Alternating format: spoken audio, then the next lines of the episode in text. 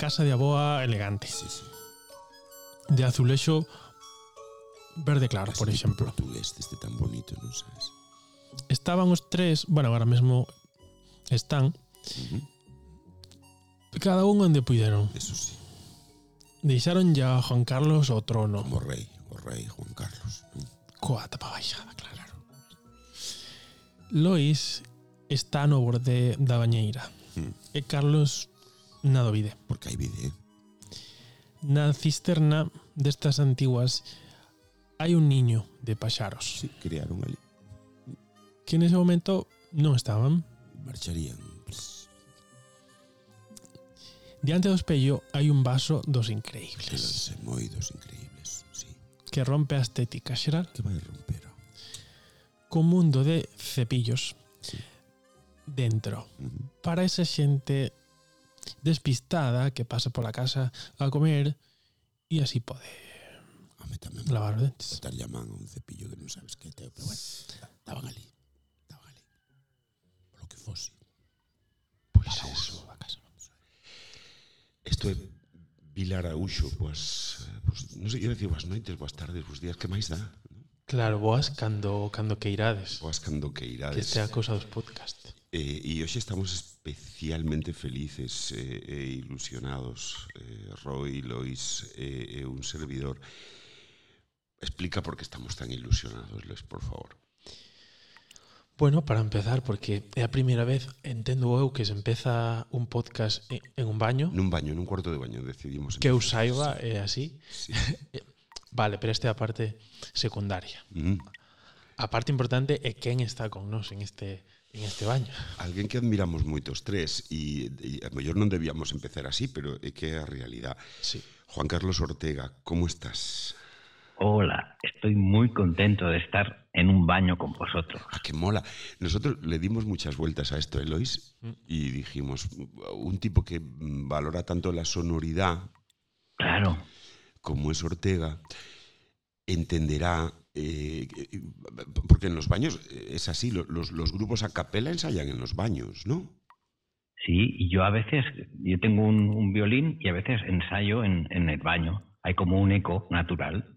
Ah, es- sí, sí, que es decir, vi que tuviste una una profesora que era que era era rusa o algo así. ¿Así? Sí, Julia. y rusa, te cansaste y de ella. Me reñía, me reñía Claro. porque ella, ella quería que yo fuese un violinista muy bueno. Y claro, no hay de dónde sacar Hoy, hoy, eh, cuando preparábamos todo, Roy decía, decía, ¿y por qué se da tanto los, los, los grandes músicos y los grandes compositores en los países del este de Europa? Yo decía, "Hombre, quizá por la disciplina, puede ser, Juan Carlos, Mm. ¿no? Sí, sí, sí, sí, sí. Muchos intérpretes de violín, por ejemplo, y de piano, la- lo que desde pequeños les exigen es tan exagerado que, que tam- también ocurre ahora en, en Japón, por lo que me Sí, dicen, ¿eh? que sí. son muy, así como muy estrictos y les y claro, por eso salen como salen, ¿no? Claro, Y claro. aquí en- nosotros somos como más relajados.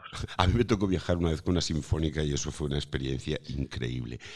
Juan Carlos Ortega es un hombre de radio. Yo, yo- yo creo que podemos definirte así, ¿no?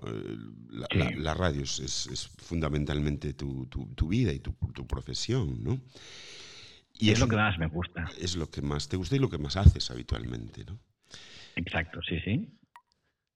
Sí, ahora estamos como en un, en un terreno parece complicado porque parece que el vídeo como que se quiere entrar Ya, ahí. ya. A mí no me gusta nada, eh, yo no sé a ti, eh, Juan Carlos, no sé, a mí no me gustó nada cuando se metieron las cámaras en los estudios de radio, me sentí fatal. Y ahora con el Twitch, ¿verdad? Fatal. No sé. Sí, sí. Me parece como que te quitan intimidad, tío, ¿no? Claro, porque la, la ventaja que tiene la, la- la radio es esa. Había un, Constantino Romero una vez dijo una cosa que me gustó mucho. Dijo, "L- la ventaja de la tele es que se ve y la ventaja de la radio es que no se ve. Claro. Ambas claro, cosas, aunque parezca incompatibles, son ventajas en sí mismas, ¿no? Claro. y además que la, la radio tiene esta cosa de, de contar historias y el so- con- solo con el sonido que recuerda mucho a esas narraciones eh, que, uno escucha cuando es pequeño y está en la cama y el padre o la madre te cuenta un cuento y tienes tus ojos cerrados, ¿no? Pues eso, es estar con los ojos cerrados. Entonces no hace falta ver. Y aparte es que la voz no engaña. Yo no sé lo que opináis vosotros, pero yo cuando quiero hablar con un amigo o una amiga y quiero saber si está bien de verdad, la voz me, da, me dice toda esa información, el tono, la, la, energía, la, todo. La cara, por supuesto, pero quizá todavía más la voz, ¿no? Es verdad, es verdad. Ah, fíjate, un, consejo que, me dio una vez eh, Xavier Sardá, el, famoso presentador de Crónicas Marcianas y tal, ¿no? Él decía que para no ponerse nervioso ante una cámara, lo que hay que hacer es tener seguridad en la voz. Si tú estás viendo a una persona, eh, por muy nerviosa que esté, si su voz es segura, si tiene la voz con seguridad, te olvidas de la cara te olvidas de la cara y la seguridad de, de, la voz contagia a la, a la, cara y parece una persona tranquila, aunque su cara no lo esté, ¿no? Y eso es, verdad. Si tu voz está segura, tú estás seguro. Sí, la voz mm, creo que, que, no engaña, que no que da muchísima información. Sí, además ese, ese salto es muy habitual. El propio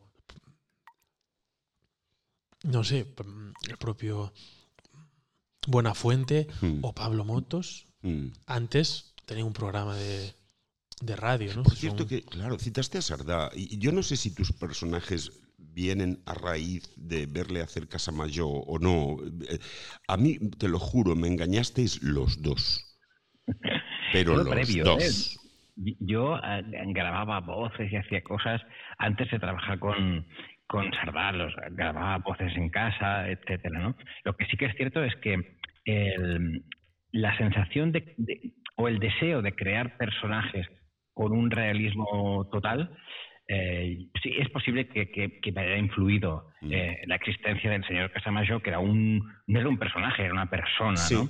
Y en ese sentido sí que, intento seguir esa estela ¿no? de, de, crear personas, no, no tanto personajes. Y, haces como él, porque yo recuerdo ver a, Sardá haciendo de Casamayo que como cambiaba la postura corporal de alguna forma. Eh, eh, no sé si tú lo haces también, si cambias tu postura corporal para introducirte en el personaje. Y, porque tú eres muy de, de posturas extravagantes, por decirlo de una forma Sí, claro, es que yo ya tengo posturas extravagantes cuando hago de mí mismo, ¿no? Entonces, sentado en el sofá de buena fuente. Exacto. Entonces, eh, eh, sí, lo que pasa es que eh, en, mi caso ah, no hago tanto cambio brusco de un, de, un personaje a otro. Yo utilizo más la técnica, grabo una pista, grabo otra, grabo otra. Entonces, a veces sí, obviamente, ¿eh? que hago cambios radicales de un personaje a otro, pero normalmente yo me lo tomo más como un, como un compositor que hace una línea, de abajo pone la armonía, en la otra línea otra, otra armonía. Sí, sí, sí, Por capas, ¿no? Exacto, exacto, por, capas. por, capas. Teníamos mucha curiosidad en preguntarte, y creo que lo hice yo, por... Claro, pero ya que estamos en el, en el baño hay curiosidades de... A ver, vamos, vamos bien, ¿eh? no te preocupes. Claro, no, sin, entrar, sin ¿eh? entrar en cosas... no. Pero, no es plan, pero... No. No, pero sobre todo cómo es... Eh, ¿Cómo es un día... Un día tuyo. Estándar. ¿Cómo es un martes de Ortega? ¿Cómo son los martes de Ortega? ¿No? Pues tú fíjate que, que una vez mi hijo, yo tengo un hijo de, de 12 años. ¿verdad? Y me dijo, ¿qué has hecho hoy? Y le dije lo que yo había hecho. Y me dice, oye, pero todos tus días son iguales. Y me di cuenta cuando él me lo dijo que era verdad. Y en cierto modo me, me, deprimí un poco ¿eh? al, al, al, constatarlo. Pero sí que es cierto que yo hago siempre exactamente lo mismo. Duermo muchísimas horas. Cuando te digo muchísimas, es mínimo, pero mínimo 11 horas. 11 horas, eres capaz mi hermana también, ¿eh? Mi hermana es increíble con eso. Increíble. Pues, sí, sí, sí. Mi admiración absoluta. Sí, sí. Pues tu hermana y tú y yo tenemos que dormir algún día juntos. A ver quién gana. No, no, ella puede, decir, se puede ir para cama un, viernes a las em, a las 10, 12. Y seguir, ¿no? Y, luego está, no, el día siguiente hasta las 2, 3. ¿Qué? Tranquilamente. Y, tú, te levantas entonces tarde de, habitualmente. Me levanto, yo creo que me, me puedo dormir sobre las 12 aproximadamente y a las once y media, doce empiezo como a despertarme, más o menos, y, y a veces más tarde, a veces incluso a la una, es horroroso. Y me, me levanto con una sensación como de, de, de, de, sentimiento de culpa. Es absurdo, pero es así, ¿no? Como, ostras, la gente ya ha hecho muchas cosas, se ha levantado. Pero bueno, siete, así, claro. Pero el 99% del personal se muere de la envidia con eso. Sí, claro. ¿No? Pero me ha costado mucho y he renunciado a muchos trabajos, he renunciado a muchísimas cosas por poder conseguir lo que yo creo que es la riqueza. Cuando la gente dice, ¿qué, significa ser rico, no? Ser millonario. Pues yo, yo creo que, que, simplemente eso, poder dormir el tiempo que tú quieras. Eso es más que cualquier otra cosa. Entonces yo prefiero o sea, te, tener mi horario a ser rico. Te ponen un, un, programa de estos de despertador y te matan, ¿no? Me matarían, sí, sí. No, no, no. no, no Claro, podría, de estos, pero, sí. Pero no porque yo sea perezoso. No, no, es porque mi cabeza no funciona si duerme ocho horas, por ejemplo. No va, no, no va. Mi Esa no expresión de mientras no duermo 11 horas no soy persona, que me encanta eso. ¿no? Totalmente. ¿No? Totalmente. Si no Yo necesito 11 horas, No soy 10, persona. 12. Menos no. Oye, ¿y- Claro. ¿y, después qué pasa? Entonces me, me- me levanto, enciendo mi ordenador. Como es un ordenador de esos de torre y no es muy moderno, tarda un poquito en reiniciarse y todo eso. Y mientras me preparo un café, me tomo el café y empiezo a, a escribir alguna cosa de las que tengo que grabar eh, y empiezo a grabar. Pero no grabo de un tirón, grabo un poco, un cuarto de hora, me voy al, al salón, me siento, me hago otro café, vuelvo a grabar. O sea, mi vida es ir del salón al estudio que tengo aquí en casa. Un ir y volver. estrés. Eso es un estrés horroroso. ¿no? Con el café. A, veces salgo a la calle un momento, vuelvo, pero no hago otra cosa en mi vida que eso, que ir del- del estudio al salón, del salón al estudio, voy al baño a veces, voy a la cocina, cosas así. Y escuchas No hay- mucha música, supongo, ¿no? Sí, sí, sí, pero oigo la música en los momentos en los que paro de, de escribir o paro de grabar. Yo no, no puedo estar escribiendo alguna cosa eh, mientras oigo música. O sea, la música es para oír música. Me tumbo en el sofá, por ejemplo, y con el- me pongo el altavoz de Bluetooth y me pongo mi Spotify y, y escucho mi música. Ni aunque sea esta música. Hombre, esto es brutal. Esto es brutal, dices, claro. Esto es, esto es Johann Sebastian Bach y es un, eh, un alemán de brutal que me, me- me- me vuelve loco. Esto nos lo has pedido tú. tocar, Le he pedido yo, sí. Sí. Lo intento tocar a veces al violín, pero es, es- es muy, muy complicado. Pese a que parece sencillo, de- lento, pocas notas, pero tocarlo bien es muy, muy difícil. Y sí, sí, esta es una de las músicas mm, que, que oigo a- habitualmente. ¿sí? Parece un poco pedante decirlo, No, pero es, que, es la verdad oigo eso. Hombre, si dijeras Stravinsky, diría, caray, de Stravinsky, Caray, así es- para desayunar, me parece como fuerte, ¿no? Pero no. Bueno, igual con resaca, cuidado. A todo esto en- encontramos varias versiones. Esta, esta era una, pero, pero tenemos más. Yo no sé, Esta es Hillary, ¿no? esta era una, una- una violinista llamada Hilary. Hilary Hahn, Esto Hilary es. Hahn. Hilary, exacto, perdón por, las, por, nuestra, por nuestro desconocimiento. Este ya es otro diferente. ¿Quién es? ¿Este cuál es? Ahí nos pillas, Este macho. debe ser Daniel Daniel. ¿no? Lonzakovich. Daniel Lonzakovich. Bueno, que lo estoy leyendo, ¿eh? Pero, pero sí, sí. Que, que si oye con eco, pero no sé si es por el baño en el que estamos. Puede ser. A mí me encantan las grabaciones, tanto de violín como de piano, donde no hay eco. Ajá. No sé qué se puso de moda eh, durante un tiempo que todas las grabaciones de, de- de instrumentos solos tuviesen eco. Yo creo que eso tiene que ver con las salas de concierto donde siempre se interpretaba la música, donde es grande y hay un eco y tal. Pero incluso cuando se grababan en, en estudio añadían eco. A mí me gusta el sonido seco, Ah, muy seco. no sé, esto, esto es con mandolina, pero Qué bonito. ¿eh? sí.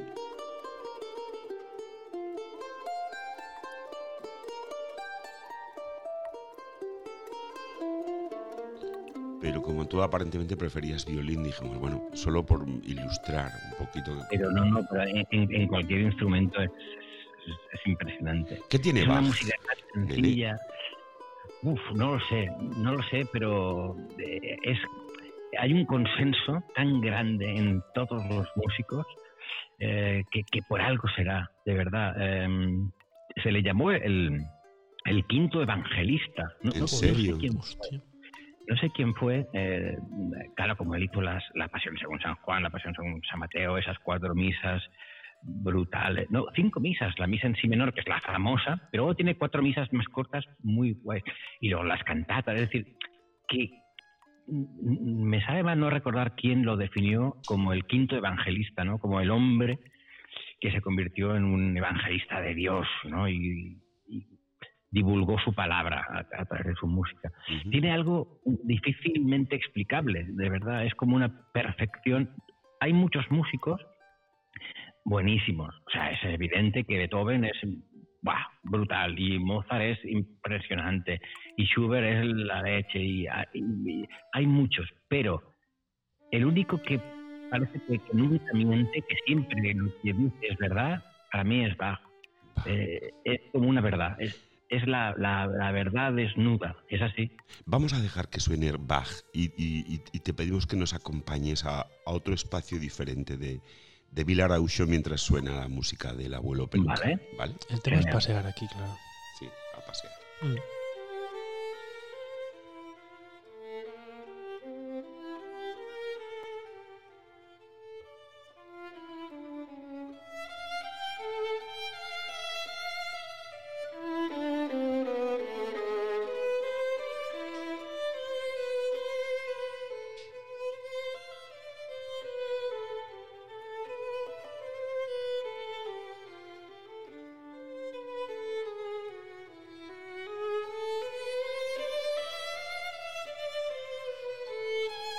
cemiterio polo que pasean os tres ten todo de convencional e tamén nada.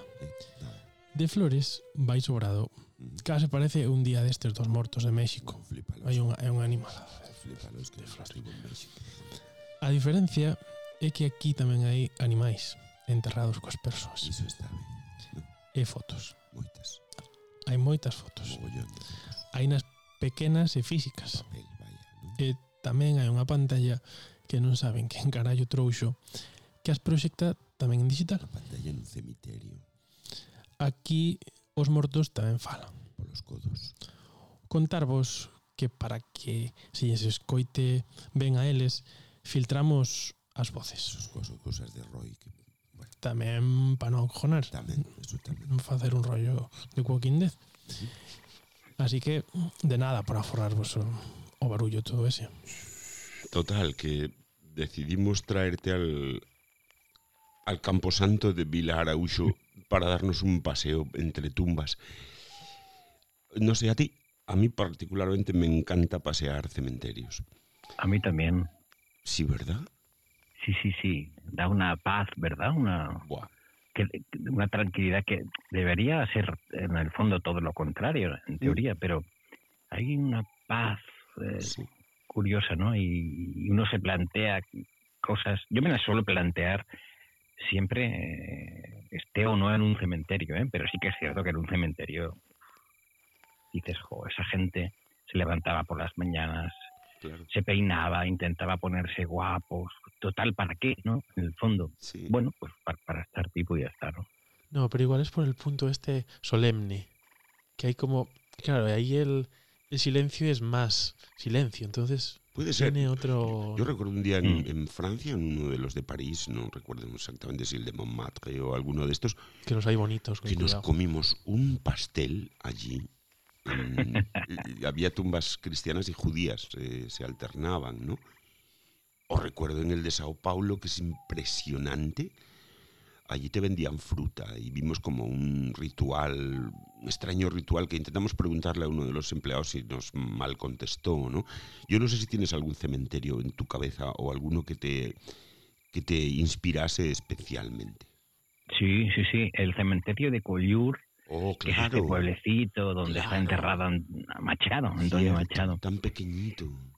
Es pequeñito y justo en la entrada está la tumba, que no es nicho, es una tumba de Antonio Machado. Yo la primera vez que lo vi yo era pequeñito porque yo con mis padres iba mucho a Collur, no sé por qué, mis padres les gustaba, Hombre, es un paseo bonito por la costa, ¿no? precioso. Sí. Y luego yo, eh, de jovencito y tal, eh, fui solo, fui con novias, fui con amigos y siempre, siempre acabábamos en el, en el cementerio de Cuellur. Y tengo una anécdota espantosa que me hace quedar muy, pero que muy mal. Y, y es que yo era muy jovencito. Robé la fotografía de la tumba de Antonio Machado. ¿En serio? Ostras, una fotografía mm, de piedra, es de, de- de- ¿cómo se llama esto? De, de cerámica, ¿no? que, que- que pesaba mucho. Fui con un amigo a Cuyur, con David se llamaba, y fuimos, a- había solamente una discoteca que se llamaba La Boat. Bebimos demasiado y acabamos en el cementerio delante de Machado, nuestro admirado Machado, pim, pam, pam. y no sé por qué, el alcohol, cualquier cosa, Guau. se me fue la cabeza y me quise llevar la foto. Me llevé la fotografía y estuvo en mi casa durante bastantes años. Yo recuerdo que eh, se- cuando se cumplieron no sé cuántos años concretos y redondos de la muerte de Machado, me llamó eh, Sergi Pamies, que es un, un Sí, periodista Sí, catalán muy sí, conocido aquí, y me dijo, oye, ¿me contaste o lo he soñado que tú robaste la foto de la tumba de Machado? Digo, no, no, te lo conté. Y entonces hizo un artículo en el país, sin citarme, pero eh, sacando la pared de mi casa con la fotografía de Machado, ¿no? Y, y publicó un amigo mío cuyo nombre no diré, robó la foto, tal y cual. Bien. Al cabo de un tiempo me llamaron de, de Canal Plus porque estaban haciendo un programa sobre cementerios, casualmente. ¿Tienes alguna anécdota y tal? Y dije, sí, y conté a los de Canal Plus esta anécdota. Y, y es muy bonito porque en ese programa de Canal Plus yo devuelvo la fotografía a la tumba. Se me ve a mí, yo reconozco ante las cámaras lo que hice y vuelvo a poner la fotografía en el lugar. años más tarde, estaba claro. Muchos años, como Claro. 10 o 12 años más tarde. Sí, sí, y o sea que tuve esa foto en mi casa durante Guau. todos esos años. Jolín. Menudo anecdotón. Eh, Hoy, hoy pensaba, hoy estaba escuchando las esquelas en, en- en Radio Galicia, en la SER, aquí en, en- en Santiago. Dan muchas, muchas esquelas. La gente sigue mucho eso porque, bueno, quieren saber quién se murió aquí en las aldeas, ¿sabes? Mm, Y hay una cosa que me parecía para ti, mm, para tu estilo de, humor, porque hay un momento en que todas las esquelas, no sé si en Barcelona lo hacen igual o donde tú vives, eh, hay un momento que dice que la familia eh, da las más expresivas gracias. Y yo nunca sé cómo son las más, Como con énfasis, como con, pero yo creo que tú serías capaz de hacerlo perfectamente con acento. darle la vuelta a eso y ver cómo serían Sí. las más expresivas gracias. Es maravilloso, las más expresivas gracias. Aquí Sí. en Cataluña no hay tradición de las esquelas. Fíjate tú, yo una vez fui a, a Galicia, no sé si era Santiago de Compostela, con la cadena SER, y yo dije, contadme alguna anécdota de, de aquí y tal. Dice, mira, ah, en la cadena COPE es donde más esquelas ponen. Tanto es así que la llaman las radios mortos. Radio No sé si es muertos, verdad. claro. Es posible, es perfectamente posible, ¿no? A ver, para, para, para aquí, yo no sé, ahí, aquí los entierros son muy importantes, porque la gente es cuando se reúne. Mm. De, de hecho, los políticos en Galicia van a todos los entierros. El presidente de la Diputación de Ourense no se ha perdido un entierro en su vida. Porque es que eso da muchos votos, Juan Es un evento importante, a ver La, cuánta la gente gente va, valora no. mucho que le vayas al entierro, ¿sabes? Igual otras cosas no le importan, pero al entierro hay que ir. Ostras. Sí, y se ve lo, lo bien o mal o regular que podía caer esa, esa Mm. persona, claro. Es decir, el- El, el humor y la muerte yo creo que han ido indisolublemente unidos, ¿no? Mm. Mm, No, no sé, eh, eh, no sé tú, pero mm, yo creo que casi todos los humoristas le damos muchas vueltas al asunto de la muerte, ¿no? Sí, sí, sí. En, en mi caso es, es total y desde que yo era pequeño, desde muchísimo antes de dedicarme al humor y todo eso. El tema de la muerte ha estado siempre súper presente en mi vida. Eh, soy consciente de la fugacidad de la vida, mm, eh, pienso en la muerte muchísimas veces al día. Más que pensar muchas veces al día, te diría que incluso está presente de fondo, como una música de fondo que tienes a un volumen bajito, pero siempre, siempre, siempre, siempre, cualquier decisión que tomo está basada en, en, esta verdad absoluta de que total, ¿para qué? Si acabaremos todos antes o después muertos, ¿no? Y muchas decisiones que tomo en la vida tienen que ver con eso, ¿no? Con, con este hecho de que va, si total, acabaremos muertos y, y de verdad que te ahorras mm, muchos tragos y te ahorras hacer muchas cosas que, la gente que aparentemente cree que es eterna hace y, se equivoca, ¿no?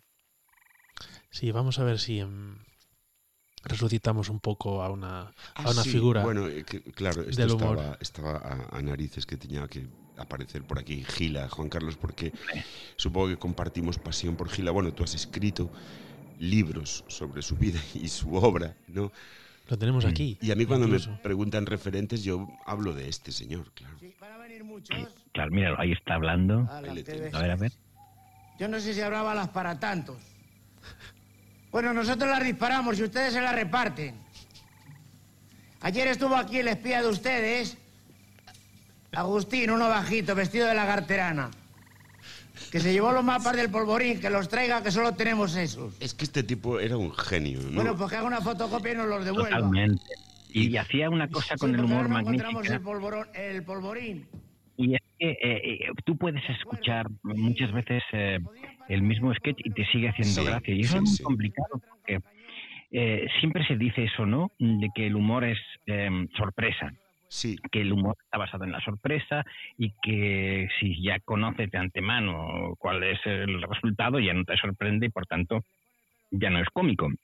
En el caso de Gila esto no funciona, porque aunque te sepas la respuesta, aunque te sepas todo, es como una canción que te sigue gustando aunque la oigas mil veces, ¿no? Hombre, yo no sé, tú, yo, cuando, fui, a ver la vida de Brian, la fui a ver tres días seguidos, porque me gustó tanto que fui tres días seguidos. Y al tercero yo me reía un minuto antes que el resto. Claro. Me odiaban. Yo sabía lo que venía y entonces ya me estaba haciendo gracia.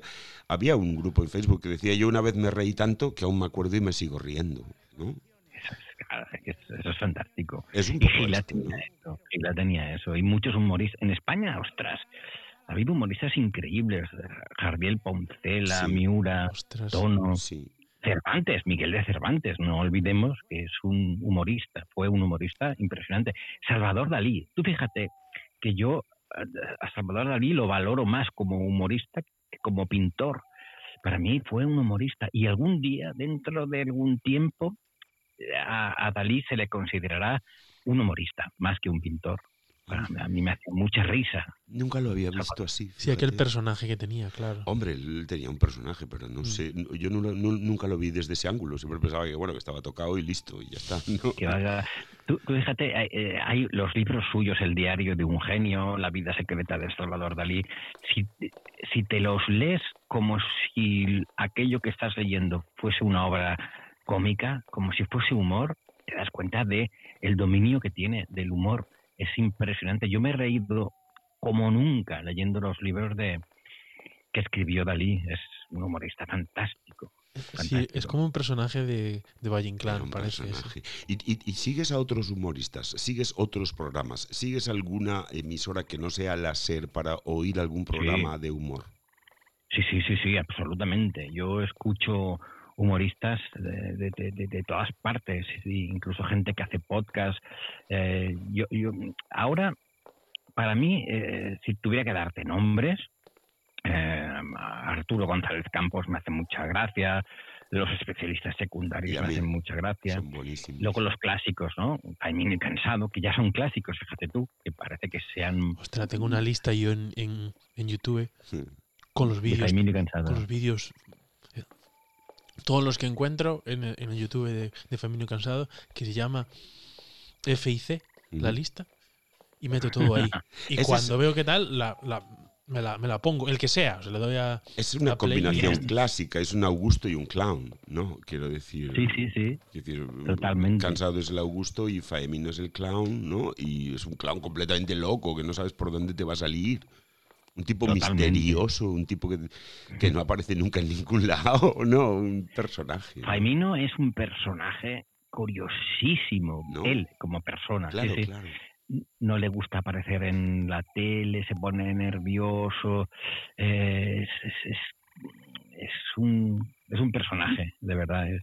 cansado es otra cosa, cansado le gusta la- la- eh, estar en todas partes, es feliz eh, haciendo teatro, tele y tal, pero, pero Faimino es todo lo contrario. Y esa mezcla de esos dos genios ha provocado para mí el, el mejor dúo cómico que ha habido en España, sin duda. Y que, y que sigue existiendo porque los dos actúan ¿eh? y llenan teatros totalmente. Hombre, yo era muy de Typical, fíjate. Eh, También, de Tip, también. muy especialmente Tip me parecía un fiera. Yo una vez le vi actuar a él solo. ¿En Ah, sí. Así, aquí, en un programa que hicimos en la televisión de Galicia con Antón Reixa, hace muchos años, un programa muy peculiar, actuó Tip solo. Y yo me quedé Fantástico. impresionado. Perdona, es que estamos pasando justo delante de la tumba de nuestro tío Fuco, Juan Carlos. Y es una tumba que habla. Bueno, A ver. escúchale un momento. Por iso espanta a señardade. Agora que non hai carros, eu espanto a señardade con este programa. Para min xa é o son da casa. Cando vou paseando polo cemiterio de Bonaval, onde gosto ir, entre os nichos, os xebaleiros, o espazo das tumbas de probes, e mesmo á dereita da porta principal, no que foi o primeiro cemiterio civil de Compostela, onde se enterraban os corpos de quen non podían ser Nuestro tío Foucault nos habla desde los cuadros o desde las tumbas y nos riñe, la gana, por y, no, y nos riñe. Y nos, sorprende. en esta ocasión nos estaba riñendo por un error que cometimos en el primer programa. Ahí va. Que no sabíamos lo que era aseñardade eh, de una canción, bueno, una canción mítica gallega que se llama O Carro, y él nos estaba explicando lo que es a señardade, ¿no? Que es ¿Quién la soledad? qué es? Claro. la soledad, Ah, que para un El cementerio. sentirse solo. ¿no? Claro. eh, me Uf. encanta. Y qué bonito es escucharle con- hablar, hablar gallego. ¿eh? Sí. Me, me- me flipa a mí el, el gallego. Porque tú hablas Galicia, me lo contaste una vez y me Sí, quedé sí. así flipado, ¿no? Mm, Totalmente, totalmente. Yo, de verdad, eh, a veces sabe mal decirlo ante gallegos porque parece que lo, lo estés diciendo para quedar bien, pero no es así. Es, más, a ti te lo he dicho en privado y sabes que es cierto. Galicia, para mí, es, es un misterio. Sería como, el, como, la, como la Johann Sebastian Bach de, de, de los lugares, ¿sabes? Tiene este misterio, esta cosa oscura, pero luminosa. Es, yo amo Galicia y yo he tenido novias gallegas que han sido las mejores novias posibles, de verdad. ¿Sabes que dicen que, que cuando Dios creó el mundo, bueno, esto es una cosa, claro, la decimos aquí para quedar bien, que le gustó tanto Galicia que pasó su mano sobre Galicia y creó las cinco rías grandes, las cinco rías del sur, ¿no? Qué bonito. Esa es la mano de Dios. O eso dicen, ¿no? Debía tener algún callo porque le salieron las CIES. Y, la isla, y la isla de, de Ons. Eh, Queríamos poner ahora una canción. En, en esta ocasión creo que me toca a mí. Y te voy a poner en contexto. Esto es una canción, Juan Carlos, que no está editada, que no existe en Ujú. disco. Y que te recomiendo mucho, mucho, mucho que la veas en vídeo en YouTube que está. Te cuento, es alguien que ya murió, Don- Dona Cano, la madre de Caetano Veloso y de María Betania, los dos hermanos geniales, eh, bahianos, ¿no? Y en este vídeo les vemos ya con Dona Cano muy mayor, muy mayor, muy mayor, pero era una mujer que cuando le preguntaban por la muerte decía, mira, no me preocupa la muerte porque cuando la muerte venga yo ya no voy a estar. Claro. qué gran frase. Era maravillosa. Y esto que vamos, vamos a escuchar es un encuentro precioso. Esta, esta es la voz de Dona Cano. Hablando de su hijo Caetano, decía, las cantaba todas, las sabía todas. Y aquí se ponen a cantar en la puerta de su casa. Es los dos hermanos y un amigo. Y la viejecita canta también. Creo que lo podrás distinguir. Escuchen.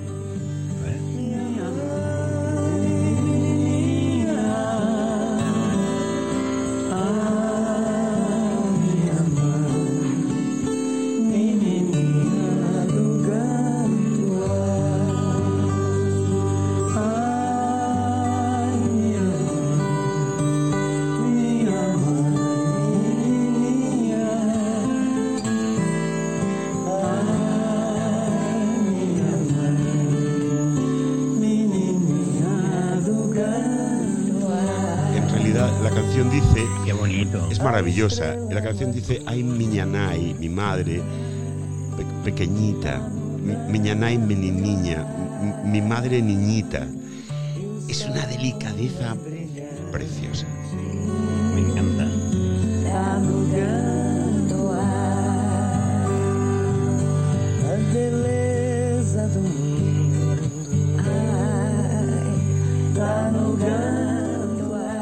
Tienes que verlo, es una, es una delicadeza. Pues lo, lo veré, lo veré porque. Sí. Pones Caetano Oyéndolo Veloso, María. Betania, Dona Cano, con eso te va a salir seguro. Hay, varios vídeos de ese, de ese momento. ¿no? Pero Fíjate lo, eh, lo que me decías, ¿no? Lo, eh, lo que ella decía de. No le preocupaba la muerte porque cuando ella esté. Cuando la muerte esté, ya no estará, ¿no? Claro. Pues fíjate, sin saberlo, ella eh, pensó lo mismo que Epicuro. Epicuro, el filósofo Sí. socrático, decía que a él la muerte no le preocupaba porque cuando la muerte esté, él no estará y mientras él está, la muerte no está. Es decir, que nunca coincidían, ¿no? Pues dudo, em- muchísimo que Cano nunca- le nunca diese a quedan, ¿no? Epicuro, ¿eh? pero Por eso, por eso, que ella, sin saberlo, fue epicureana. Es fantástico. eh, Pero hay una cosa que sobre esta frase que yo siempre que es magnífica la frase es, pero hay una cosa que, olvi- que olvida esa frase y es la muerte de los demás. Claro, Claro. cuando cuando yo estoy la muerte no está. Cuando la muerte esté yo no estaré ya, pero mientras estamos existe la muerte de los demás y eso sí que fastidia también, ¿no? Es la, la única pega a esa frase, ¿no? Sí. La muerte de los otros, de los que queremos. claro. Tiramos para la lareira, Lois, que Y dices? justo es que claro, hace un poco de Hace un poco de, de rasca, sí, ¿no? Te vamos a meter para adentro, niño, que no te queremos hacer sufrir. Si es que estos días... Sí, tenemos una lareira. ¿Sabes lo que es una lareira? No, ¿qué es? Es, es un fuego tradicional, quiero decir, aquí en Galicia en las casas eh, solía haber una lareira, que es, que es una, una, una chimenea, pero donde también se cocinaba, una chimenea abierta, normalmente entre columnas, cuando la casa era, digamos, más poderosa.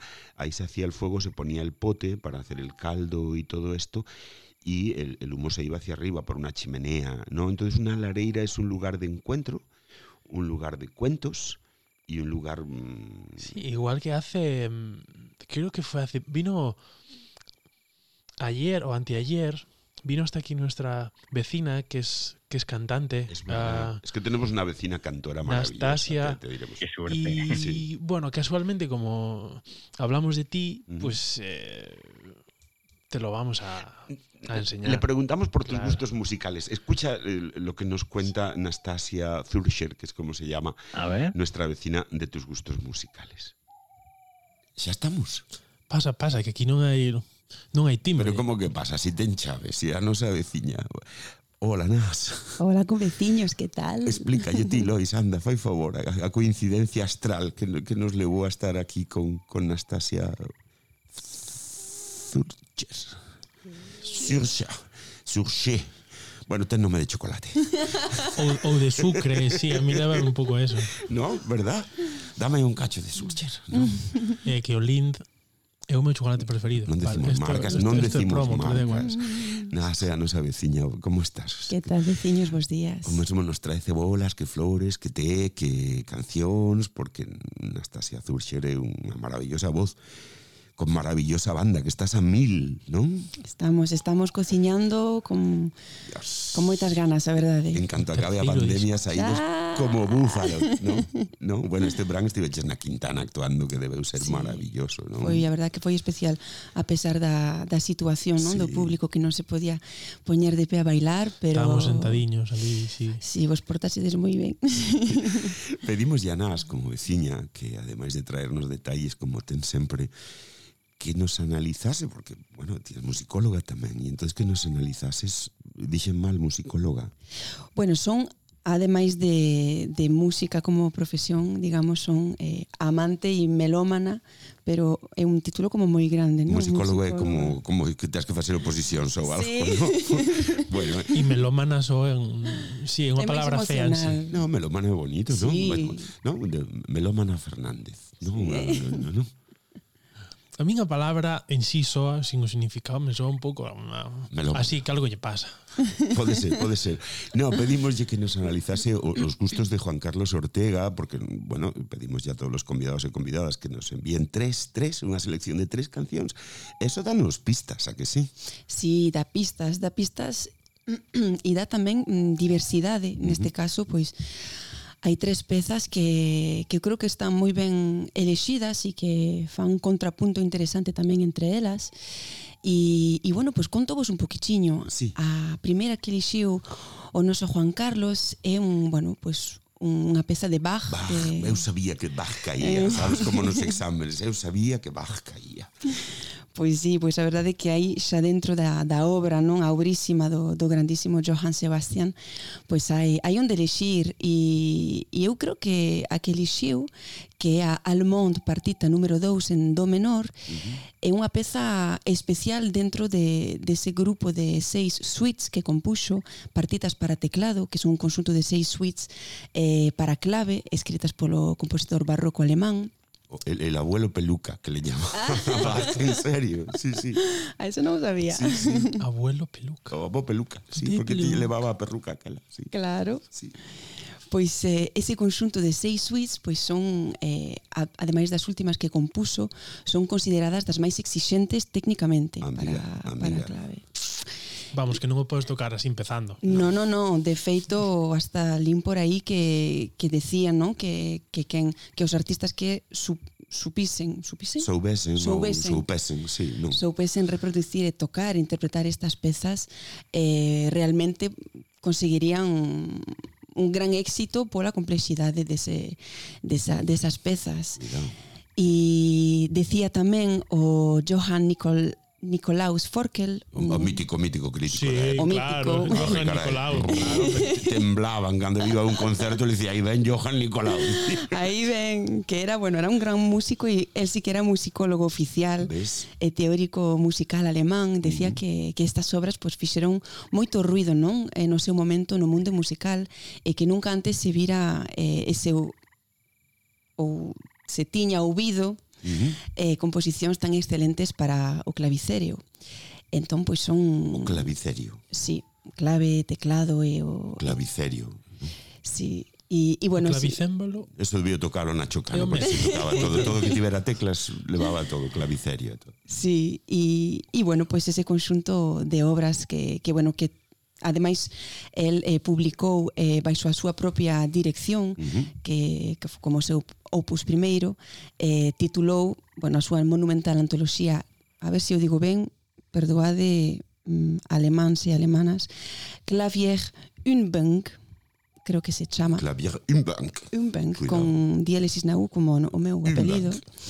Uh. Que se titula, bueno, que práctica para teclados, pois pues decía, non, que os, o, ya os dedicou a amantes da música para o deleite dos seus espíritus e que, e que bueno, pois pues que esas Mm, suites magistrales de danza circularon ampliamente en copias manuscritas, pero que ao parecer a súa eh, venta en vida foi pois, máis DVD, máis o DVD. Sí, foi un pouco tanto que foi un pouco escasa e, e ao parecer morreu con varias copias. Aí vendeuse eh, mal o DVD, mira ti. Vendeuse mal lo 1731 que foron Vamos, que, que eran os 40 principales non no, puxeron. Quedou no 39 na máis Quedou aí. Era máis para especialistas. Pero quedou bueno, foi, foron collendo corpo no cos pouco anos. Pouco. E... E son, pois... Pois esa foi a escolla primeira de Juan Carlos, non? E a segunda?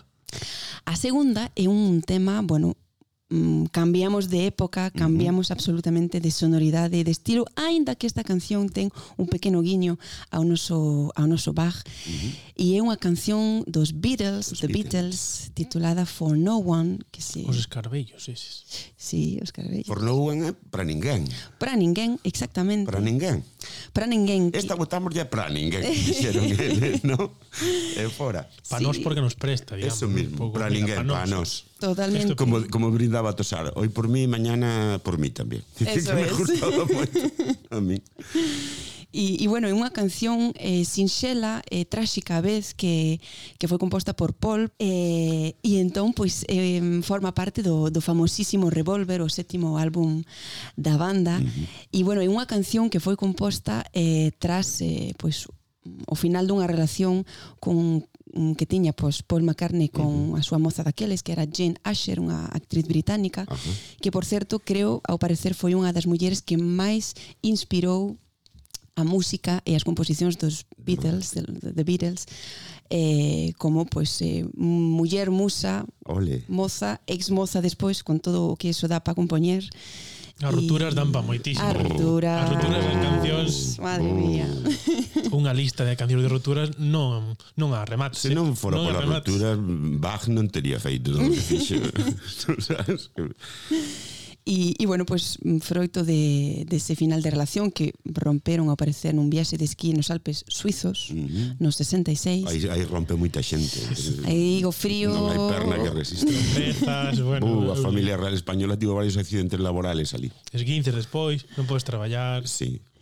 E, y bueno, pues, o pequeno guiño que comentaba é que, bueno, pues, esta canción que, que destaca por, ajusta, eh, por eh, asustarse bueno, ao esencial da vida sin maiores arranxos como a vida mesma e como ao final a canción que remata ademais abruptamente sin un final pulido, alargado, fade out sino que remata e que bueno, pues, ten un deixe de estilo barroco un deixe característico Ajá. que parece que foi inspirado pola nai de Asher Asher Ole. Jane a, a a súa exparella, que era profesora de música e que lle ensinou a Paul McCartney as pezas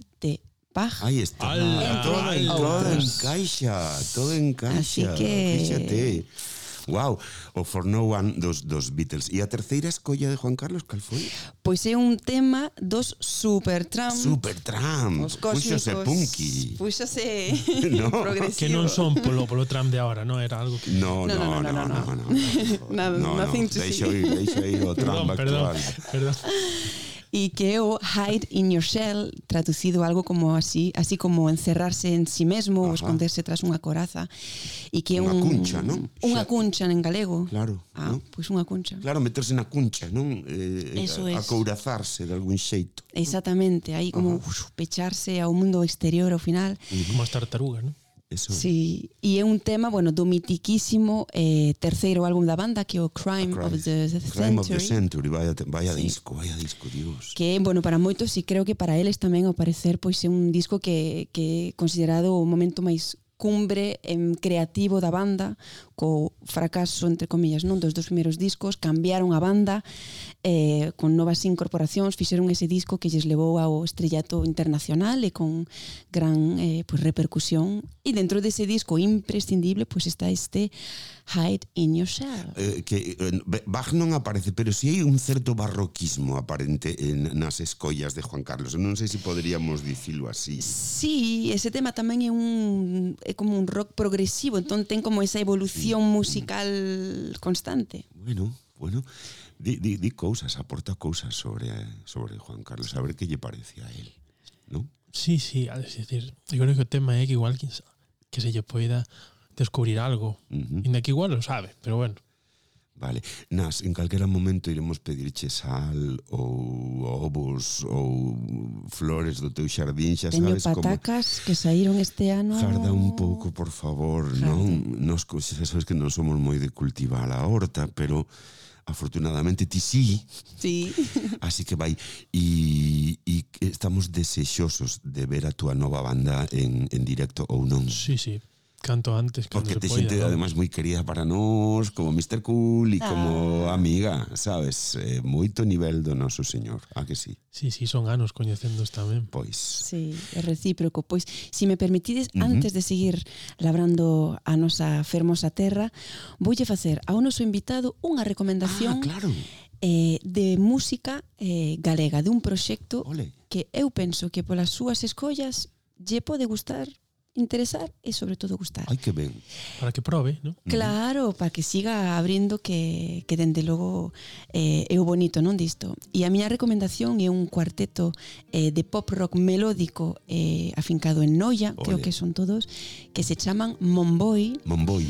E bueno, que está liderado pola fermosísima voz de Bryce Sánchez, que arroupada con esas guitarras que toca el tamén. Mm Teñen letras pois, de temáticas vitais, reflexivas, orgánicas e a verdade é que é un grupo moi interesante que ademais Pequeno Guiño acaba de ser finalista, non gañador, pero sí finalista no, no concurso NARF Ole. que foi a semana ah, pasada sí. Ole. Sí, sí. ou esta semana Entón eu creo que Monboi, en concreto a canción Inverno de Cores, lle pode gustar ao noso compañeiro. Grazas por virnas. A vos, familia, veciños, ata a próxima. Manche.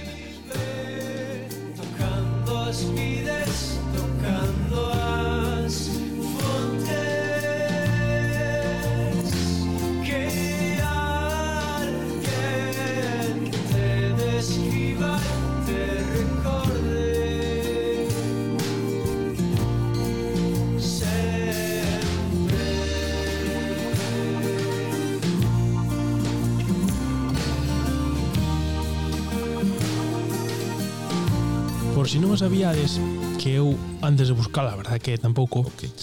En galego, lareiro e lareira son adxetivos tamén. Lareira, que maña lareira. Vaya, que temos tan interiorizado o lugar que pasou a ser un talento. Un talento, unha característica. Lareira, lareira é un talento. Dice da persoa que lle gusta estar ao pé do lume. Tamén do bombeiro. En estas estaban tres lareiros pues... que, en, que que non larpeiros, que, eso, que tamén. Iso era galega, máis. Compensando o frío que traían do cemiterio. Porque facía frío no cemiterio. Están os chourizos curando, curando ali mm. e as castañas a secar. Mm. Vaya, que o, o máis probable é que lles entrase fame cando se sentaron. Pasa moito cando paseas, pasa moito. O encanto das sombras xogando entre eles debuxaba a calor nas paredes. Dios, isto xa é mi madriña, eh? É un final pedantemente no, estético. É literario, literario, literario. Asuma, asúmese, moi ben, quedouche moi ben. O encanto da sombra xogando entre eles debuxaba a calor nas paredes, cuidado. Hai nivel. Ahí estamos. Juan Carlos, sombra. sigues ahí, supongo, Juan Carlos Ortega. Sí, sí, me, me- me ha encantado la, la, la, la voz de la, de la De chica esta que ha hecho el, el análisis. Brutal, me ha, enc- me ha encantado, ¿eh? Te va a gustar escuchando Todavía más, tú tranquilo, porque te- tenemos una, una sorpresa. En, en- en la lare- en la lareira, que espero que cuando vengas a Galicia te, te llevaremos a una lareira para que veas eh, lo que es estar ahí, ¿sabes?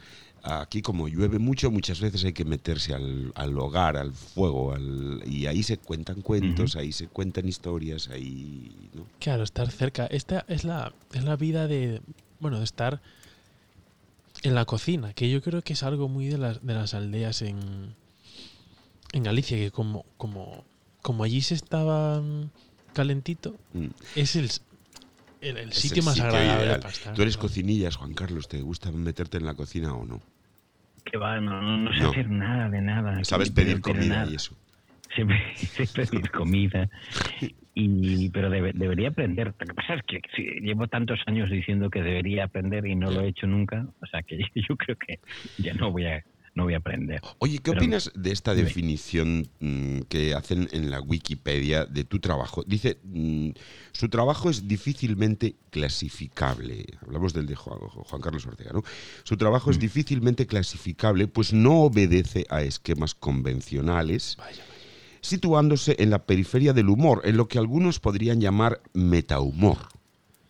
Con un estilo claro, sitúa al interlocutor en situaciones absurdas que revelan el aspecto enloquecido de la vida. Ayudándose de sus propias voces, entrevista, dialoga y reflexiona con seres aparentemente reales y sencillos.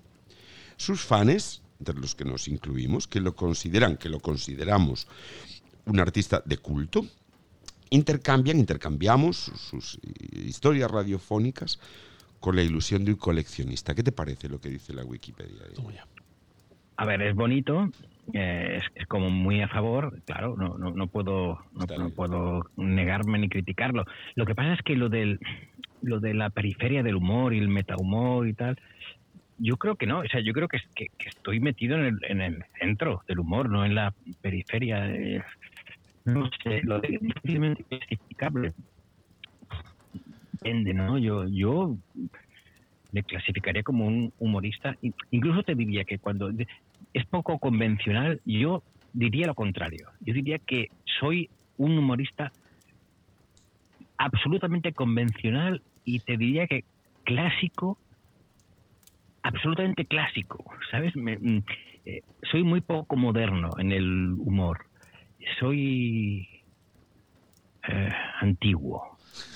Claro, es que por la, por la, por la definición de la Wikipedia parece como si fueras un grupo de punk underground. Claro, Y claro. son, te- y son temas, eh, temas comunes y personajes eh,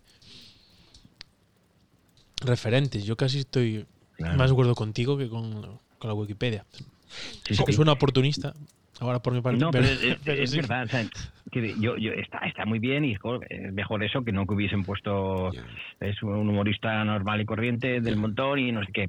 A ver, está guay, pero yo, jolín, me hubiese gustado más aquello humorista clásico eh, que, que, que pasa de las modas. Eso me Ya. hubiese gustado mucho De más. todos modos, yo te comentaba al, principio que, mm, que me engañaste, que me engañaste. Y, no, no me importó en absoluto, pero te juro, y le pasaría a miles de personas como a mí, que durante años yo seguía tus, eh, tus eh, eh, creaciones, tus emisiones, tus programas, tus cosas, y yo decía, qué cabrón, qué viejos más buenos tiene trabajando con él. Vaya casting. Y en mi cabeza, te lo juro, me componía un grupo de actores aficionados que tú habrías encontrado, que en, en- claro, en Cataluña hay buenísimos grupos aficionados, ¿no? Y que tú habrías hecho un casting para esos señores y esas señoras durante años. Yo no sé tú, yo me creí esto. Sí, yo incluso Claro. en un sitio vi que te, que te, que te dijeron Te una vez sí. El, el malo es él, los buenos son los Qué bueno, que te salvan ahí tus... A mí una vez me dijeron, bueno, porque tienes a, a tus actores, pero tú... Y yo pensé, esto es un buen piropo de mi, de mi trabajo. Claro, claro, claro. ¿Sabes? Yo creo que parte de esa confusión de- tiene que ver con la tele, ¿no? Como yo hice unas cosas en la tele y ahí sí que llevaba a actores, a gente mayor, entonces yo creo que la gente se confundía y decía, si en la tele salen estas señoras mayores y estos señores mayores, los que oigo por la radio también deben ser ellos, ¿no? Yo creo que por ahí debe salir la confusión. Yo sí que he hecho, he hecho casting, eh, pero en la tele, ¿no? Y necesitaba una señora que hiciese un papel de tal, o un señor sí. que interpretase tal cosa.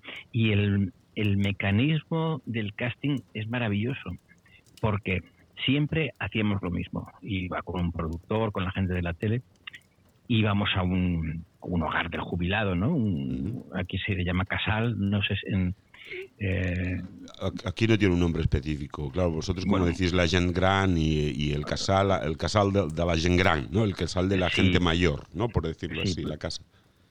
un, un lugar donde se reúne la gente Ujú. mayor, ¿no? Bien. Entonces, eh, yo siempre decía en voz alta, eh, soy de la tele y queremos hacer unas cosas de comedia. eh, ¿Quién que levante la mano quien esté interesado en, en- en participar? Entonces levantaban la mano muchísimos, ¿no? Y yo me fijaba en los que no habían levantado la mano. Y con ellos iba a hablar. Y al final eran ellos los que lo hacían. Porque precisamente el que no quería, aquel que le daba igual salir en la tele o no, Era el bueno, esos eran los buenos, claro. esos eran los buenos. Los que querían salir eran los que bah, interpretaban exagerando, eh, lo hacían para que les vieran. eh, no. En cambio, los que no querían y cuando yo les convencía mm, me decían, bueno, ¿y qué día, qué día es esto? Pues el día tal. Y bueno, pues si hay que ir, pues vale, va, venga, vamos. Y Sí. claro, eso era perfecto, porque esa desgana, esa desmotivación con la que interpretaban los papeles es muy cómica y es Claro. esencial, claro. Es el clásico, ¿no? El amigo que va al casting y lo acaban cogiendo a él, ¿no? A-. No. Sí, yo creo que ahí hay un, hay un vínculo incluso con los, con los niños, porque tuve un, un profesor que me decía que, bueno, que como él es, es actor, de hecho hizo en la, en la película de, mm, de Amenábar, hizo de, de, mm, de Franco, ¿Quién? ¿De Santi? Ah, Santi Prego, San- claro. que- claro. Claro, y le venían los, los, los padres y Santi decía, va, que mi hijo es muy, es muy gracioso. Y, y luego él se fijaba en el típico niño niña del fondo de la clase que es súper tímido y luego eran los, Los niños buenos. interesantes y que hacían buen teatro y son, eran buenos Claro. actores. Y es lo mismo, Porque, es la misma idea. Juan Carlos, no puedes negar que eres actor, lo siento. Eh, no, no puedo admitir una respuesta que no sea No te lo aceptas. No, no te lo voy a aceptar, no, porque eh, compones personaje. Quiero decir, Marco, a- a- Marco Antonio Aguirre, ¿no? Qué grande. Que es un personajón, ¿no? Eh, eso es un personaje de pe a pa. Las R's, como las dice él, ¿no? Bueno, esto vi- viniendo de un actor eh, No, de no, tu no, talla, no, un no, actor no, como no. tú, eh, No, no, un- no. te Lo hice, creo que está de acuerdo, ¿eh? es un elogio, es un elogio brutal y por primera vez lo acepto porque viene de ti. Te lo digo en serio. Bueno, porque no Sí te que es queda otra. También es un No. poco con el cuchillo. Compones personajes, sí, sí, sí. Pero sí, yo sí. ahora pod- podré decir que tú me has dicho que soy actor. Hombre. Yo podré chulearme y decir por ahí Hombre, no, es que lo eres. que Carlos me ha dicho que soy un actor. Hay una composición de cada uno de esos personajes, en su forma de hablar, en su lenguaje, en sus tempos, en su, en su ideología, Marco Antonio, Mm. con su rollo homófobo y su historia del buenismo y todo. Tú, ahí compones un personaje de pe a pa, no lo, es que es así. Sí, sí, sí. no, y, eh, a ver, sí que me siento un poco actor, es Claro. cierto. ¿eh? Y cuando estoy haciendo eh, diferentes papeles, jolines, intento darle una credibilidad total al, al, al, al- personaje, de verdad, pero total, absoluta, con los silencios, con los no sé qué. Y eso he ido aprendiendo poco a poco, ¿eh? el hecho de añadir más silencios de los que en principio se añadían, no responder a... Eso es un consejo que yo siempre le doy a la gente que hace humor. Y hacen personajes, aunque sean dos o tres ¿eh? que lo hacen, como lo tienen escrito o, o se saben ya la respuesta, porque es un sketch, hacen la pregunta y rápidamente entra la respuesta. Y digo, no, en la vida real, cuando uno hace una pregunta, el que contesta tarda un segundo y medio, medio segundo, un poquito más, y eso le da una credibilidad total que se rompe esa credibilidad cuando todo está picado y una cosa detrás de otra, ¿no?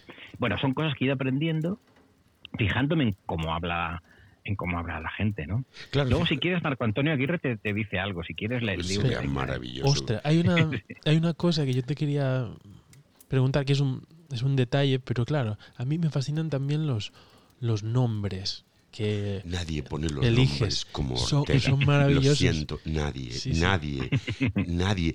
Es que son perfectos. Sí, sí. Es que son mí me gusta. perfectos. Me gustan mucho los nombres normales. Sí. Álvaro, eh, Francisco, Águeda, Ascensión.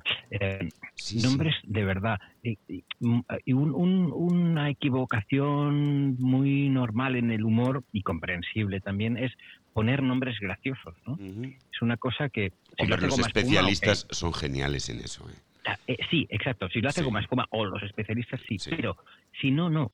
Eh, eh, yo soy más de hacerlo con un... eh, que sea todo súper creíble, ¿no? Que se llame Eh, Ascensión Manchón y sea eso, la señora que acoge a Kim Jong-il en su casa, ¿no? Claro. Y que tiene sexo intensísimo con Kim Jong-il, ¿no? Eh, exacto, que tenga nombre Asunción no- Manchón y ya está.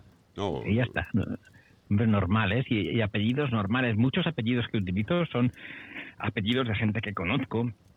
Bernárdez, Prieto, eh, son, son dos apellidos que utilizo mucho, Prieto y Bernárdez. Y fíjate tú, yo tuve una novia, Mónica Prieto Bernárdez, se llama, pues amiga mía ahora, su madre gallega además, ¿eh? es una de las que, he tenido, y son esos apellidos de gente que, que conozco. Te voy a pasar a Marco Antonio Aguirre que te quiere decir algo. Guay, qué ilusión, a ti te hace muchísima mucha ilusión hablar con Marco Antonio. Aguirre. Eh, hola, buena, buena. has- eh, He oído que, ha- que has hablado de mí. Pues un poquito, porque claro, es que le escuchamos, señor Aguirre, somos fans, claro. Sí, bueno, cuando, cuando Juan Carlos te deja, porque no, eso bueno, también. Él, él también se gana su espacio, ¿eh? Y él, él me, ha- dejado a mí, eh, pues eso, iniciarme poco a poco en el mundo de la radio. Yo soy una persona ya, pues, que tiene su edad. Y la, la ilusión que yo tengo ahora, hijos, cuando me abren el micrófono de la radio, cuando me dicen, ahí tienes la luz para hablar, yo, que le he pasado muy mal en la vida, pero muy mal, que he recibido muchos palos en la vida. Yo creo que todo, todo lo malo que yo he pasado en la vida, que ha sido mucho, queda compensado por estos últimos años míos de felicidad en la, en la radio. Gracias a Juan Carlos y eso es una, es una cosa que no voy a poder olvidar. Pero no se emocione, pero no- Se ha emocionado, no sé, pobrecito. y cae un poco en el buenismo, que el combate, ¿eh? Un poquito, Sí. un poquito. A, ve- a veces soy, soy un poquito más hablando de, de lo que es de lo que aparento, pero yo an- ante el micrófono intento hacer hacerme el duro. Pero con vosotros, que sois amigos, pues me he relajado y me ha salido esa lágrima. Claro, sacas el Bueno, lado Iñaki Gabilondo, claro. No, yo fíjese que hasta le perdono a veces el discurso contra el, el homosexualismo, que tan a veces Sí. lo tiene tan que no no sé, hay que evolucionar un poco, señor Aguirre, ¿no? No Bueno, sé, eh, yo, yo, yo, no, hay, hay temas que no se tocan, por ahí no. ¿no? hay temas que no se tocan. Por ahí No, no, él, claro. él en, en esto Es él está es, es totalmente inflexible. Sí. Pero yo creo que en el fondo es así porque algo esconde. Amigo. que insinúa? Ah, Amigo. Yo, Ah. yo tengo la teoría y a ver si algún día, si, si yo hago- sigo haciendo el programa muchos años, yo tengo la teoría, y no digo más, de que algún día descubriremos algo de Marco Antonio Aguirre. Oh, Documentos ocultos, ahí. Eso va a ser un bueno, Eso, eso va a ser... eso va a ser un documento, pero Sí, importante. pero se lo, se, lo, se lo merecerá, ¿eh? Se lo, se lo merecerá por, por todo lo que ha dicho. Fíjate que Luis y yo teníamos una idea de un guion que, que nos hacía mucha ilusión, que era que de- en este caso era de dos, dos mujeres que se enamoraban en una residencia de ancianas y que por fin podían vivir su verdadera vida. ¿no? Y nos parecía una Mm. historia muy bonita. Chulo. Y a lo mejor, pues mira, por ahí el señor Aguirre, ¿no? sí, en estos tiempos sería casi como el, como el Titanic, Nos pero puede bueno, dar una sorpresa. sería complicado. Por cierto, Juan Carlos, no sé si sabes, supongo que lo sabes, que lo que tú haces, y en realidad es algo que se hacía ya en el siglo XVI. ¿Así? Sí, radio no, pero Mira, se, casi como Bach. se llamaba Bululú. ¿Bululú? Bululú. El Sí, Bululú es un actor solitario o comediante que Ah. en, en aquella época viajaba de, de pueblo en pueblo haciendo sus pequeñas representaciones y Es lo que haciendo, hacemos, Pablo y yo. y haciendo justo. todos, exacto, todos los personajes de la farsa o del entremés. Eh, en palabras de Francisco de Quevedo, un, Un- un conocido humorista, Uno sí. un bufo farandulero miserable, ¿no? Y curiosamente localizan en Galicia el origen de hacia finales del 16 ese personaje, eh, ese comediante que hacía bululú por pueblos. En Galicia no tenemos otra opción, ¿sabes? Porque aquí no podemos hacer temporada como en Barcelona, que podéis estar 15 días en un teatro un mes, ¿no? Aquí tenemos que ir de pueblo en pueblo. Y quizá por eso, al final no inventamos nada, ¿eh? Pero me encanta que y el nombre Bululú. Bululú. Sí, me bululú. encanta. Sí, eh, Sí, en, en el fondo es cierto que no inventamos absolutamente nada. Y, y- y fíjate, la existencia de, de Google a mí me ha hecho ver lo complicado que es tener una idea ingeniosa. Mm, Tú crees que has tenido una idea de lo que sea y pones en Google las palabras clave a ver si a alguien se le ha ocurrido algo parecido y encuentras que sí, siempre hay alguien. Y un- una vez eh, se me ocurrió, es un ejemplo entre miles de ejemplos, ¿eh? Em, que quería hacer como una serie de dibujos an- animados, me llamaron para hacer como un guion de unos dibujos animados, pero que estaban muy tristes, ¿no? Y yo dije, wow, pues ya está, que se llamen dibujos desanimados, ¿no? Y, y dije, he tenido una idea buenísima. buenísima. Pongo en Google dibujos desanimados y ya A alguien se le había, se le había ocurrido unos dibujos animados tristes que se llamasen dibujos desanimados. Claro. Y así con muchas cosas que uno... antes de Google, la cantidad de cosas que a uno se le ocurrían y a otro también, y el otro pensaba que se lo había copiado. Y no, es que nuestro cerebro es, es- se parece al cerebro de los demás porque somos humanos, ¿no? Y tenemos ideas similares, ¿no? Claro. Y eso es bonito. Eh, a ti no te pasa que cuando digo una, una noticia que me interesa, pues en el país, cuando miro es la más leída. Claro, pero eso es bonito. Digo, pues, eso, eso está bien, eso está bien. Y, luego esta gente que dice, "Buah, no me- esto, no-", que la gente que sospecha de los bestsellers o la gente que sospecha de las películas que han tenido éxito o de las canciones que han funcionado, ostras, mm, pues hay veces en las que las cosas que funcionan son maravillosas. Los. Beatles eh, funcionaron Mira, como qué buen nadie. enlace nos va a quedar Nos esto. queda perfecto. Sí. Y Gila tenía éxito y era buenísimo, ¿no? El enlace nos queda perfecto. Es que tenemos una, una, Una sorpresa, pequeña que sorpresa. tenemos guardada. Le pedimos a nuestra vecina Nas que te cantase For No One de ¿Qué me los dices? Beatles. Y aquí Sí. la vas a oír. Ahí va. A ver. Your day breaks, your mind aches. You find that all the words of kindness linger on when she no longer needs you. She wakes up, she makes up, she takes her time and doesn't feel she has no hurry. She no longer needs you. And in her eyes, you see nothing. No sign of love behind the tears cried for no one. A love that should have lasted years. You want her, you need her, and yet you don't believe her when she says her love is dead. You think she needs you.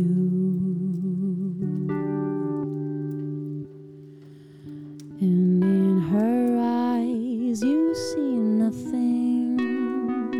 No sign of the love behind the tears cried for no one. A love that should have lasted years. You stay home, she goes out. She says that long ago she knew someone, but now he's gone. She doesn't need him. Your day breaks, your mind aches. There will be times when all the things she said will fill your head. You won't forget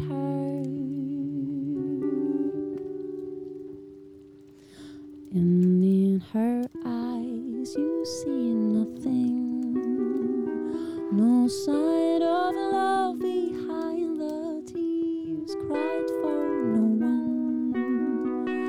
A love that should have lasted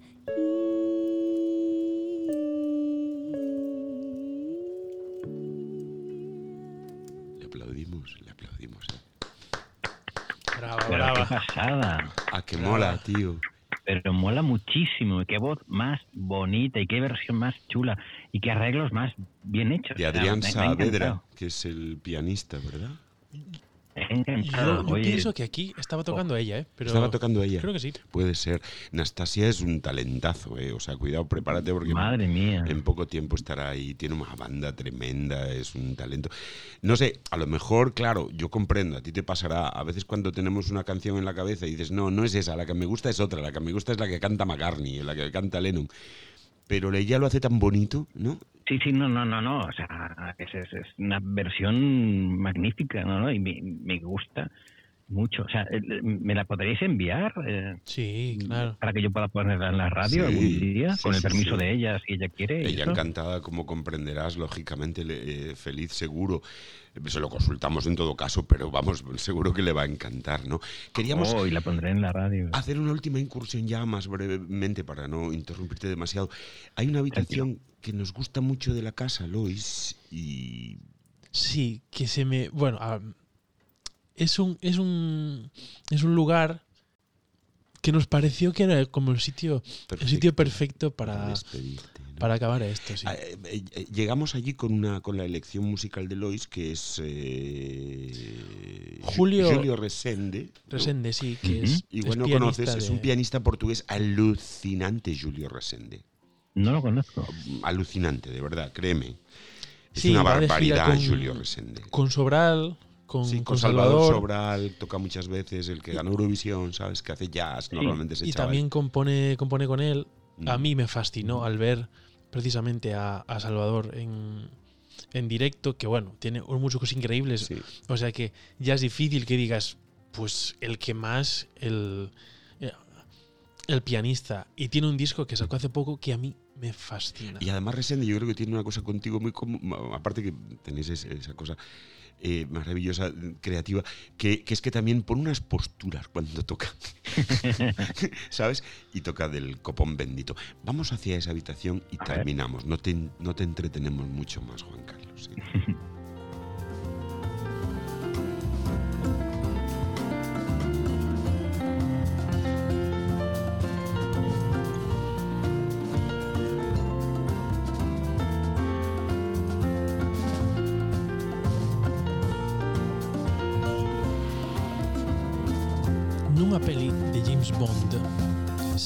unha festa de bombas. James Bond contra o mundo, digamos. Pero aquí non. Aquí non. É o pequeno desterro do tempo. Que bonito dito así, non? O pequeno desterro do tempo. Eles non se lembran en da casa decidiu arrombar ali todos os reloxos. Hai saber, tío Fuco, calquera. Non? Naquela habitación pequerrecha que se fixo aínda máis do que xa era. Claro, se metes moitas cousas, pasa. Non? Porque co tempo se acumulan un mundo de aparellos cala, que o quer medir. Cala, cala, cala, que está o trasteiro que non entra nada xa. A mitoloxía popular da zona di que dormiu un tempo, de paso claro, unha señora que palillaba. Unha palilleira. Mesturándose cos tic-tacs. Ah, que bonita mistura, non? Os reloxos e, e o palillar. Non? Traballaba facendo pezas para os bebés da zona Patucos, non? cando había. Claro, claro. Digamos que palillaba o futuro. Palillaba o futuro. Unha palilleira do futuro. É bonito ese concepto tamén, sí, Sí, me gusta. bonito. ¿Sabes lo que es una palilleira, Juan Carlos? No, pero me, me- me encanta cómo suena palillera. de Palilleira futuro. son las Palilleira. señoras que hacen encaje eh, de camariñas, que lo hacen con ponen los hilos en cada uno de los de unos palos de madera y los entremezclan a toda velocidad y crean Entonces suena. y suena. Claro, esas, Es- esas sí, maderas chocan entre ellas. sí, Ah, sí, vale, ya lo por tengo eso- visualizado. Sí. sí, es súper- Me lo monté así, básicamente. Nos hemos Me venido encanta. a la habitación de los relojes. Tenemos una habitación con muchos relojes Wow. porque bueno, eh, No, porque yo, yo descubrí que tú estudiaste en un principio, en un principio eso. Sí, yo Relojería. relojería. Sí, ¿En serio? una- Sí, claro. Sí, sí. Claro, lo puse por eso, Sí. claro. y al Sí, final sí. sigues haciendo cosas con piecitas pequeñas. Sí, mira, en el fondo tiene, la cosa está como ¿No? artesanal, sí, sí. Sí, Y, y me, me, me, me gusta mucho la relojería. Lo que pasa es que, bueno, no, no era lo mío del todo. Lo que me gustan mucho son los relojes. Lo- Me, me, me encantan. Es una cosa que... y no te Es una- llevar reloj, No, por no, ejemplo. que va, que va. Me gusta mucho. Porque reúne dos cosas que me encantan, que es belleza y utilidad. O sea, el reloj es la única joya útil que existe, ¿no? Un pendiente no es útil, eh, salvo por la belleza en sí misma, ¿no? Un anillo no, no, no tiene utilidad. En cambio, el reloj es una joya, es útil, Pero que creo que sirve decía para algo, ¿no? Cortázar que el peor regalo que se le podía hacer a un amigo era un reloj. Uy, pues para mí me- sería el mejor regalo que me pueden hacer Es un reloj. es un reloj. Sí, soy loco de los relojes. Los que son son sencillos, que no, que- no esos que tienen 50.000 esferas, no, no, no. Los de una esfera, limpios, con poca cosa, me, me encantan, me encantan. Sí, sea que- también el, lo, de, lo del tiempo y jugar, jugar con eso. En la radio es imprescindible. ti- Tienes Sí. que ajustarte a media hora, ¿no? Y Totalmente. Por eso los podcasts son un regalazo y una maravilla, ¿no? Mm. El no tener que estar pendiente de, del reloj, eso es magnífico.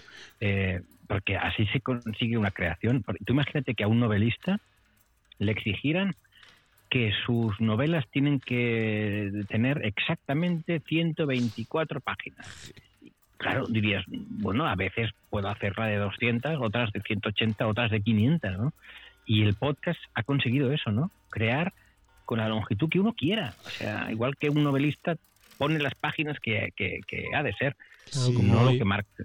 Claro, pero eso es lo bueno. Un día hablando bueno. con un colega tuyo que de la radio de Radio Galicia me decía que le tenía pánico a los podcasts, le tenía pánico porque, claro, la gente se le iba del directo y nos vamos a veces y hacemos la radio a nuestra medida y yo, claro, yo te escucho a ti muchas veces por la noche pa- para meterme en la cama, intento que sea a la hora que tú lo haces, pero Claro. porque más o menos está pensado para esa hora. mm, Sí, pero es tarde, sí. pero es tarde Es y entonces a veces me quedo dormido y entonces lo, lo escucho al día siguiente en el coche y, y- y es verdad que a veces cuando, sobre todo por la política, yo no sé tú, no sé, a veces estamos tan saturados y más en esta época que dices, no, no, no, yo no puedo ir ahora que están en el Congreso dándose de hostias, ¿sabes? Y prefiero ponerme un, un podcast que me guste y, pues La Noche de Ortega es uno de los favoritos y, tal. Eh, Yo no sé si os, si os preocupa a los profesionales de la radio la, la- la aparición de, de advenedizos ahí. A mí, a mí no, a mí todo lo contrario. O sea, a mí ha supuesto un regalo, pero un regalo personal incluso. ¿eh? O sea, yo soy más feliz ahora que antes porque existen los podcasts, de verdad. Eh, es un sueño que ni siquiera yo había soñado de joven porque ni siquiera podía imaginar que pudiera tener todos los audios de lo que fuera del tema que tú quisieras, que si te interesa un asunto concreto encontrarás seguro a alguien que en su casa hace un programa sobre eso. No, no, los podcasts son una maravilla. Y es posible que alguien en la radio pueda tener algún sentimiento así encontrado y raro, ¿no? Decir, uy, esto a ver si nos va a quitar el puesto. Mm. Pero para mí no, para mí es, es, es que es la radio, es lo mismo. O sea, la, la radio se puede hacer en una emisora o se puede hacer en, en una casa, como mucha gente está haciendo, y, y ya está. Y, y luego que, que el oyente decida qué es lo que le gusta. Pero a mí el podcast es una maravilla. Yo te juro que, mis- que mi sueño, eh, lo que me quede de vida, y Lois lo sabe, y por eso empezamos este Vilar Araújo, y por eso queríamos que, que estuvieras cuanto antes, es llegar a lo que tú puedes hacer. Quiero decir, a, a poder trabajar desde casa, a tu ritmo, a tu... Claro. No sé si a veces te agobias porque tengo que hacer tres cuñas y decirte tal, o lo organizas de forma que vas con calma y, y tal, pero... puedo organizarme bien. O sea, de verdad que es algo que yo que yo aconsejo ¿eh? a la gente, si puede trabajar en casa, que lo haga. Saliendo de vez en cuando, ¿eh? porque a veces uno de los problemas que tiene la gente que trabaja en casa es que está en Roy casa, dice, sí, sí, encerrado, y eso es jodido. Pero ¿Por qué si le lo, pasa? si lo combinas con, bueno, intentar quedar con gente, hacer tu vida y tal, es, un- es, es una cosa muy chula, muy chula. Y, y también mi sueño es ese, ¿eh? O sea, acabar mis días en una casita que me guste. Pero eso ya lo haces. No, pero una casa que me guste más, una casa bonita con unas vistas al mar, por ejemplo. En Galicia, quién sabe, en Galicia. Y, y hacer un podcast tranquilo y relajado y acabar así. Y ya está. hombre, Eso yo sería- te- sería un te- sueño. te invito a cuando tenga la emisora en mi casa. Con Ole, ole, al pues. mar. Sí, que a este es que tú paso ya la tenemos casi es que montada. tú- es que tú tienes suerte, ¿eh? Hombre, aquí no es tan difícil, Jolín, ¿entiendes? En Barcelona supongo que es complicadísimo, pero aquí no es tan complicado eh, eh, Es verdad. vivir muy cerquita del mar. Nosotros tenemos tantos kilómetros de costa como toda Andalucía. O sea, es una Nas también vive, ¿Mm? de hecho, allí. De hecho, es muy eh, es muy bonito porque Nas vive en, en Porto do Son, o sea, en un sitio que se llama Puerto, del, Sonido. Que es como, a ver, tía, o sea. Sí, yo tuve un programa que se llamaba así. Puerto del Sonido. Eh, Es un nombre tan precioso, Porto do Son, Puerto del Sí, Sonido, imagínate. precioso. Allí vive Na- Anastasia y, y, bueno, tiene su casita al lado de la nuestra que, que por eso somos vecinos. Bueno, que lo dejamos, que este hombre tiene vida, Lois. Claro. Oye, pero es que me gusta mucho estar aquí. O sea, Y a nosotros. Y, y me, me gusta mucho el, el, el tándem que hacéis, ¿eh? O sea, yo co- como oyente de, de radio enloquecido, esta cosa que hacéis eh, de... Claro que a lo mejor lo hacéis inconscientemente, pero habla uno, el otro, es como, como si estuvieseis cosiendo, uno, el otro habla, clac, clac, clac, clac. eh, Esta compenetración está muy bien. A mí me da Eh, rabia que Lois no hable más, pero le, le No, riño pero yo para que hable más. yo soy más de, escuchar, de es en general. ¿Te gustaría hacer un programa con Ulises algún día? Sí, ¿por qué no? Eh, sí, sería sería bonito. Eh, sí, si él quisiera, eh, hombre, eh, sería una suerte para mí que, que él quisiera hacer o, algún podcast en el futuro. Sí, o sea que él tal, tal como está ahora, si no hablamos de tecnología y de, y de videojuegos y tal, no querría. Pero cuando se le pase esta fiebre de los videojuegos y le interese más Mira que eso va hacia arriba, ¿eh? Lo de los videojuegos está ganando espacio de una manera increíble. Yo nunca conseguí jugar a ningún videojuego con Lois, te lo juro, nunca fui capaz, Juan Carlos. No soy ¿no? Si capaz, tal, yo jugamos no al- soy capaz. a, la, a, la, a la Wii, A la Wii sí. al tenis de la Wii. A la Wii, sí. y, somos muy buenos, cuidado, ¿eh? Cuidado que a la Wii... Al tenis de la Wii, cuidado, ¿eh? Tenemos ¿Cu- cu- ¿Cuántos años os lleváis vosotros? pues 29. Eh, Claro, es que eh, os lleváis muy poco. 29. Yo con Ulises me llevo mucho más. Claro, yo lo tuve mucho mayor. Pero cada 29 años sois casi de la misma edad. Bueno, bueno, bueno. No, pues su, No, pero- pues su madre que lo tuvo No. con 23, imagínate. Claro. ¿no? Claro. Claro. No, pero llevarse 29 años, que yo me llevo 40. Hombre, nos permite hacer muchas cosas juntos. A mí una de las mayores ilusiones que tengo en mi vida, y lo entenderás, es que un día me, me dirija a mi hijo Estamos en eso. estamos- Ostras. en un escenario y no estamos lejos de que eso suceda. No, no. ¿Sabes? Eh, él está casi hecho ya como director y, y yo estoy casi deshecho ya como actor. O sea que. mm, No, no, no. que no- De hecho, vamos a estar Lo haremos, eh, sí. en, en Madrid, sí. Él con funciones y yo ensayando. Va a ser, va a ser maravilloso. Al mismo tiempo. Oye, pues algún O día sea dirígeme a mí también en algún espectáculo Claro, que haga. Pero ¿cómo se te dirige a ti si eres. Bueno, en fin. Eres Juan bueno. Carlos Ortega. Y te admiramos un montón, Juan Carlos. que lo Igualmente. sepas. Igualmente y lo sabes. y sabes y- que esto es, es mutuo. Te esperamos Y en Galicia. Y yo, yo cu- cuando tú quieras, yo voy. En cuanto se pase, es- es la frase que todo el mundo dice, ¿eh? pero es cierta. En cuanto se pase todo esto de la pandemia un poquito, yo voy allí y pasamos unos días que Sí, me encantará. Lo disfrutarás Maravilloso, y nosotros sí. también. Pues un beso a Ulises De tu parte. Y un Otro beso a vosotros dos. muy que grande lo para hacéis que- súper bien. y a Roy Rodríguez, nuestro técnico que, Y que, a Roy, y que a está Roy aquí también. con nosotros y tú sabes lo Pilotando que es todo su trabajo. Juan Pues Carlos, un beso a los tres y lo- me, me ha encantado cómo lo habéis hecho. Y cuando queráis, yo, yo aquí estoy. muchísimas gracias, niño. Gracias, guapo. Un besazo. Un besazo, guapísimo.